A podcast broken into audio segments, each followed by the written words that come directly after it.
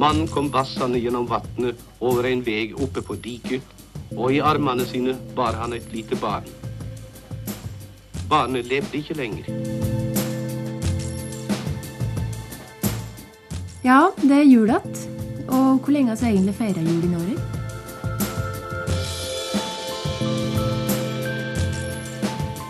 Den snakksomme bergenser.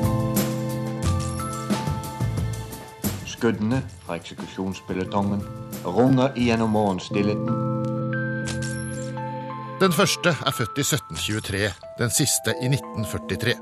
350 sider som dekker over 200 år med norsk pressehistorie gjennom 38 portretter av journalister og redaktører.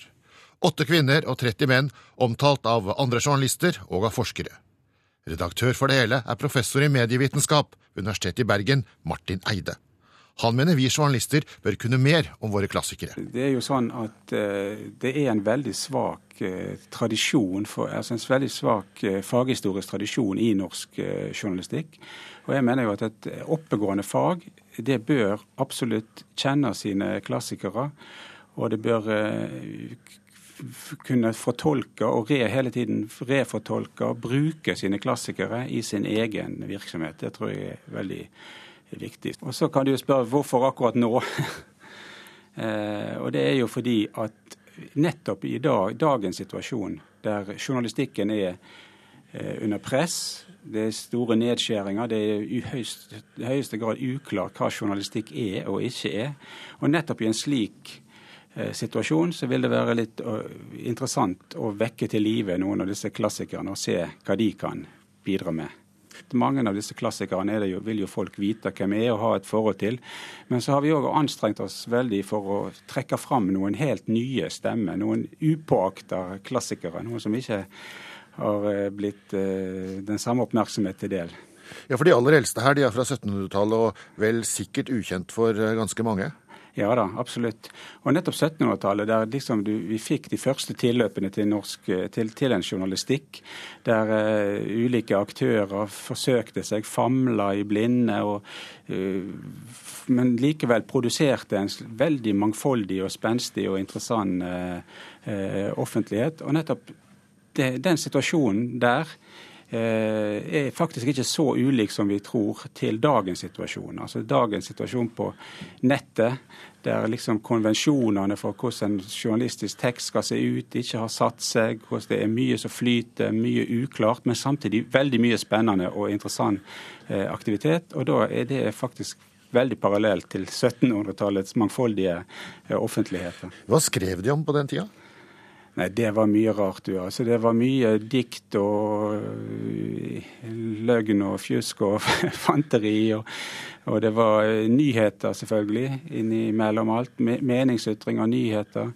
Mens noe sånn konvensjon om at det skal være et skille på kommentar og nyheter fakta og fiksjon og slikt, det, det fantes, fantes, jo ikke. Så du kunne på første siden i et av 1700-tallets tidsskrifter, så kunne du like godt finne en, en, dialog blant to som var hjemkommet fra en tur til månen, som, eh, som du kunne finne nyheter fra siste krigsbegivenheter i inn- og utlandet. Historiker Mona Renate Ringvei har skrevet om tre av de eldste skribentene.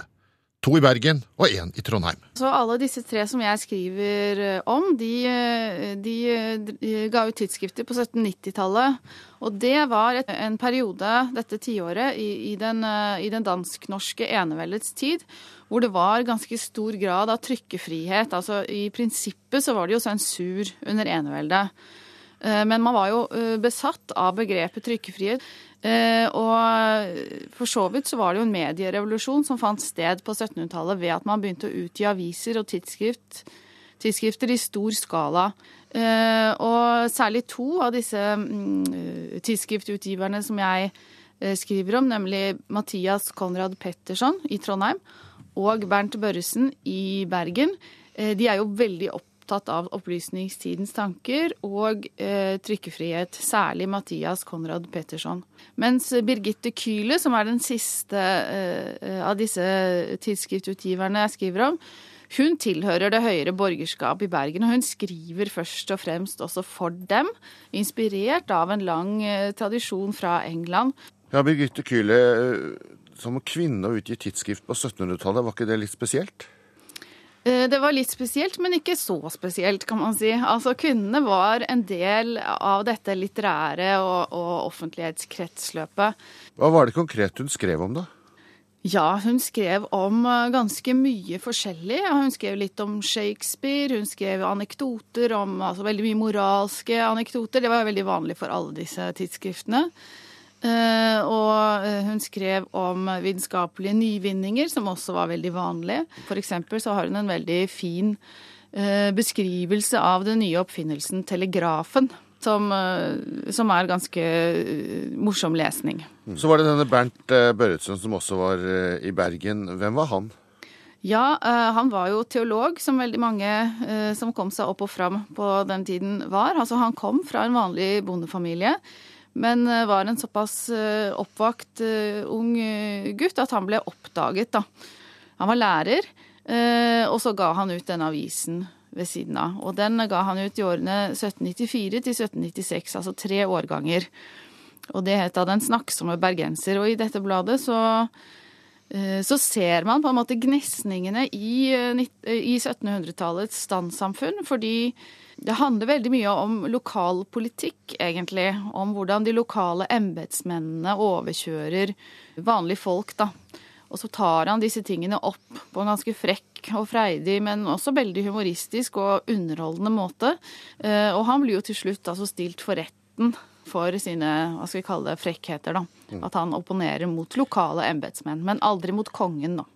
Disse, som skrev, de brukte jo andre metoder enn det vi vil kalle journalistikk i dag? Ja, eh, de kalte seg for så vidt journalister, eh, enkelte av dem på slutten av 1700-tallet. Men eh, man hadde en veldig sånn, i hvert fall i Danmark-Norge, veldig delt hva skal vi si, medielandskap. Fordi en viktig del av kongens kontroll med mediene, det var at man ikke skulle synse om politikk. Og dette her er jo veldig interessant i journalismens tidsalder. Og da hadde man da på den ene siden nyhets, et nyhetsmedium, da som var renset for det som eh, vi i vår tid liksom har som journalistikkens prydplante, altså den, altså den lederartikkel og sånne ting. Men da hadde man ved siden av denne, denne tidsskriftpressen, og der kunne man synse i vei.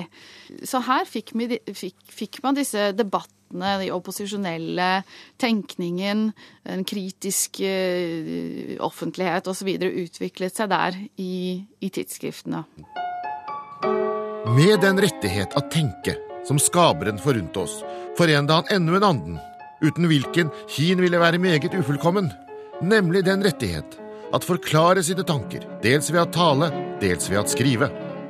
Dette er det Mathias Konrad Petersson i Trondheim kalte sin trosbekjennelse. Han begynte å skrive lesebrev i Trondheims adressekontoars etterretninger, forteller Mona Renate Ringvei. Eh, og det tok ikke så lang tid før han da faktisk ble eh, redaktør av Trondheims Adresseavis. Og det var som redaktør for denne avisen at han da gjorde eh, dette ganske freidige grepet. Fordi dette var jo Ja, det var ikke en ren nyhetsavis, det var et annonseorgan, en sånn tredje form for publikasjon da på den tiden. Men han var altså så opptatt av opplysningstidens tanker om individets eh, frihet og om eh, folkesuverenitet og disse tingene, eh, at han lagde et ekstra blad, et innstikk, som han ga ut gratis til abonnentene av Adresseavisen. Og det gjorde han i årene 1798 til 99. Og hele dette innstikket det er egentlig en, en lang lovtale til trykkefriheten, samtidig som han på en måte krever av prinsen, da, som faktisk styrer, i og med at kongen er uh, sinnslidende, men uh, krever da at prinsen fortsetter å, å, å, la folket ha ytringsfrihet eller trykkefrihet. Mm. Og dette var en ganske mm, freidig ting å gjøre, fordi akkurat i disse årene 1798-1799 så visste alle at eh, da, kronprinsen og hans menn de jobbet på en forordning som skulle begrense trykkfriheten. Slik at når den kom i 1799, denne forordningen, så var den så alvorlig, den så, så tydelig i å signalisere til alle skribentene at heretter kommer vi til å følge lovene. Heretter er forbudt å kritisere regjeringen og regjeringens menn. Eh, og den forordningen var altså så effektiv at eh, veldig mye av den offentligheten gikk under jorden. Blant annet så sluttet da Mathias Konrad Petterson umiddelbart å utgi eh, denne avisen. Og han sluttet også som redaktør. Mange av dem som trekkes fram, er vel så kjente fra annen virksomhet. Åsmund Olavsson Vinje, Christian Krogh, Sven Elvestad, Alfred Eriksen. De er forfattere, malere, prester og mye annet. Martin Eide vil likevel ikke helt være med på at journalistikken var en bigeskjeft for mange av dem. Det spørs liksom hvilket begrep du har om journalistikk. Altså Journalistikk kan jo faktisk være så mangt, og veldig mye av det som eh, som Camilla Collett drev med, f.eks. når hun skrev sine reisereportasjer, er jo pionerjournalistikk fullt på høyde med, med utenlandske forbilder. Så enten det er Charles Dickens eller det andre. Ja, Dere har trukket fram også mange som eh, virket utenfor hovedstaden, og ikke minst i Bergen. Var det spesielt mye skribenter, bra skribenter der? Ja, det var det faktisk. Altså Den eh, tidsskriftfloraen og den aktiv publisistiske aktiviteten i Bergen jo, var jo helt uh, unik. Og det er jo noe som ble brakt veldig fram i den uh, norske pressehistorien som kom for noen år siden. Hva oppnådde de, da? Disse som skrev? Nei, De oppnådde jo etter hvert at, altså de, at samfunnsdebatten faktisk betydde noe fra eller til. At, den, at, den, at de, de, spilte faktisk en rolle i den offentlige debatt. Og etter hvert så befesta de jo òg journalistikkens stilling. Etter hvert så ble det vanlig å snakke om journalistikken som den fjerde statsmakt. Vanlig å snakke om en journalistikkens eh, samfunnskontrakt. Så de lange linjer her er jo absolutt at de faktisk øker sin både makt og innflytelse. Sven Egil Omdal, du er journalist og kommentator i Stavanger Aftenblad, og du har skrevet om to av Stavangers journalister og redaktører på 1800-tallet. To stridbare menn. Den ene kjenner vi mest som forfatter, nemlig Alexander Kielland. Men la oss begynne med den andre, presten Lars Oftedal. Hva slags mann var han? Han var sannsynligvis den mektigste mann som noen gang har bodd i Stavanger. Ehm, han var eh, en høvding for eh, lekmannsbevegelsen. Du må huske at av de politiske motbevegelsene i Norge, de fire som har styrt Norge eller påvirka Norge, så har to av de opphav i Stavanger, både avholdsbevegelsen og den kristelige legemannsbevegelsen. Og han sto i front for de begge. Han ble betrakta som det moderate Venstres eh, leder. Han, var, han drev òg det som Berge Føre har kalt for det største private sosialpolitiske tiltak i Norge på 1800-tallet som var et nettverk av eh, av trykkerier, av bedrifter, av forsamlingshus, som han styrte med, med myndig hånd. Han var både prest og politiker og pressemann. Hvordan kunne man kombinere alt dette? Det var jo mye enklere på den tiden. Da var avisene var politiske organer. Eh, og prestene var jo veldig engasjert i politikken, så den blandingen var nok ikke så uvanlig. Men det var nok sjelden at noen kombinerte alle tre rollene, slik som Lars Oftedal gjorde. Og starta og drev to aviser som begge ble den største avisen utenfor Oslo. Var det han skrev journalistikk eller propaganda? Det var journalistikk etter tidens eh, mønster, og eh, han var jo en samfunnsbygger, så han ville jo noe med journalistikken. Og han fornya jo flere deler av journalistikken. Han skapte den moderne lokaljournalistikken, og eh, han var òg kanskje den første som skapte den politiske journalistikken som Dagbladet senere videreutvikla under Arve Solstad et, nesten et hundre år senere. Så skjedde det noe dramatisk i 1891 som forandret livet til Oftedal. Ja, da sto han fram på allehelgenssøndag i, i kordøra og bekjente at han har gjort seg skyldig i usedelige forhold og gjort skam i menigheten. Og det var et fall så stort at det, vi kan nesten ikke fatte det i dag. Det var førstesideoppslag i storaviser eh, i Storbritannia, Sverige, Danmark, USA selv i Chicago så var det store avisoppslag om at paven i Stavanger hadde falt. Han eh, ble, måtte gå av i unåde. Han ble fratatt det han sjøl hadde bygd opp. Han var rett og slett en utslått mann. Han falt eh, og var slått ut en stund, men det varte ikke så lenge? Nei, Det er utrolig. To år etter dette fallet så starta han da Stavanger Aftenblad eh, som den femte av den lille byens eh, aviser. Ehm, kjøpte seg ei flattrykkpresse, leide seg et lite kontor midt i byen og begynte å trykke en avis som ifølge han sjøl skulle ha som motto at den skulle gi full beskjed. Og det gikk ganske bra? Det gikk veldig bra, og det skyldtes nok den enorme maktbasen som Lars Ofdal hadde hos, ikke minst hos de fattige og de utslåtte, hos den jevne befolkning. Gikk rundt i slumområdene i Stavanger og, og hadde med seg milde gaver, samtidig som han skrev om den nøden som han så. Var det noe andre aviser ikke gjorde? Ja, det var det definitivt. Han, han, han hadde en spalte som han kalte Fra dypet, hvor han brukte disse her skildringene. Og det, det dypet det var de andre avisene veldig lite interessert i. De skrev helst om hva overklassen og borgerskapet foretok seg. og karakteriserte Stavanger Aftenblad som et skandaleblad redigert av en skandalemann. Han var i konflikt med den andre pressemannen du skriver om, nemlig Alexander Kielland. Hva var det de var uenige om? Ja, De var vel uenige om det meste, men, men det som var det pirrende, var jo at eh, da Kielland søkte Stortinget om å få diktergasje, så var det Oftedal som ledet opposisjonen mot dette. Og det gjorde han jo ganske enkelt fordi at det ville være helt umulig for han å komme hjem til Stavanger og si at han hadde stemt for at han som ble betrakta som en av byens rikeste, selv om han ikke var det. Lapsen fra, fra Kielland at han skulle ha fått 1600 kroner ekstra fra Stortinget med Oftedals hjelp.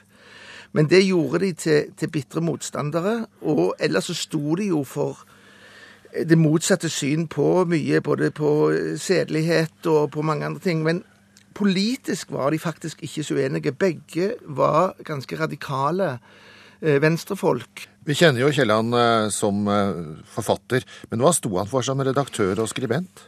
Han sto først og fremst fra veldig radikale synspunkter. Han var bare redaktør et år, eh, men det var en journalistisk fest.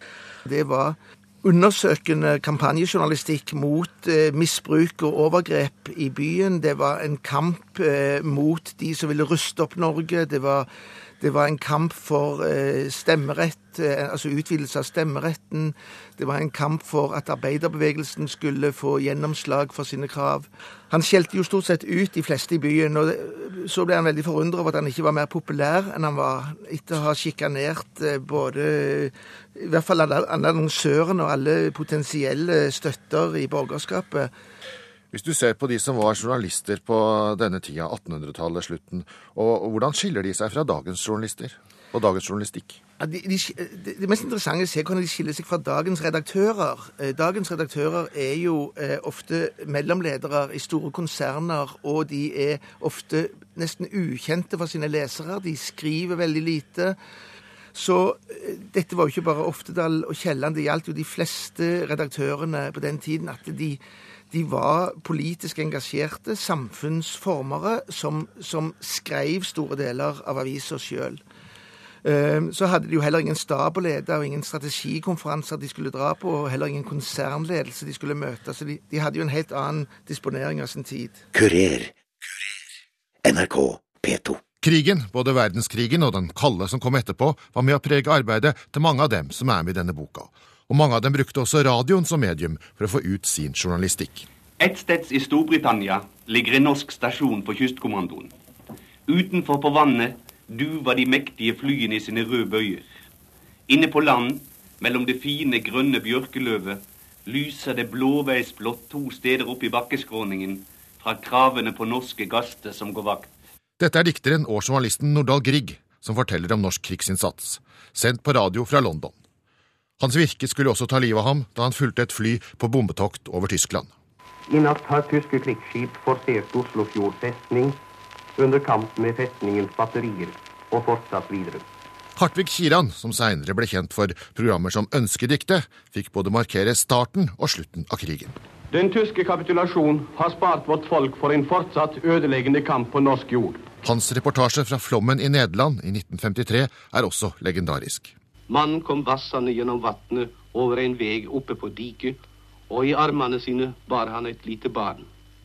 Barnet levde ikke lenger, men mannen holdt det fast i armene sine og gikk og gikk, med tomme øyne som så rett fram. Han svara ikke når folk tala til ham. Da hjelpemannskapa ville ta barnet, nekta han. De skulle ikke ta barnet hans.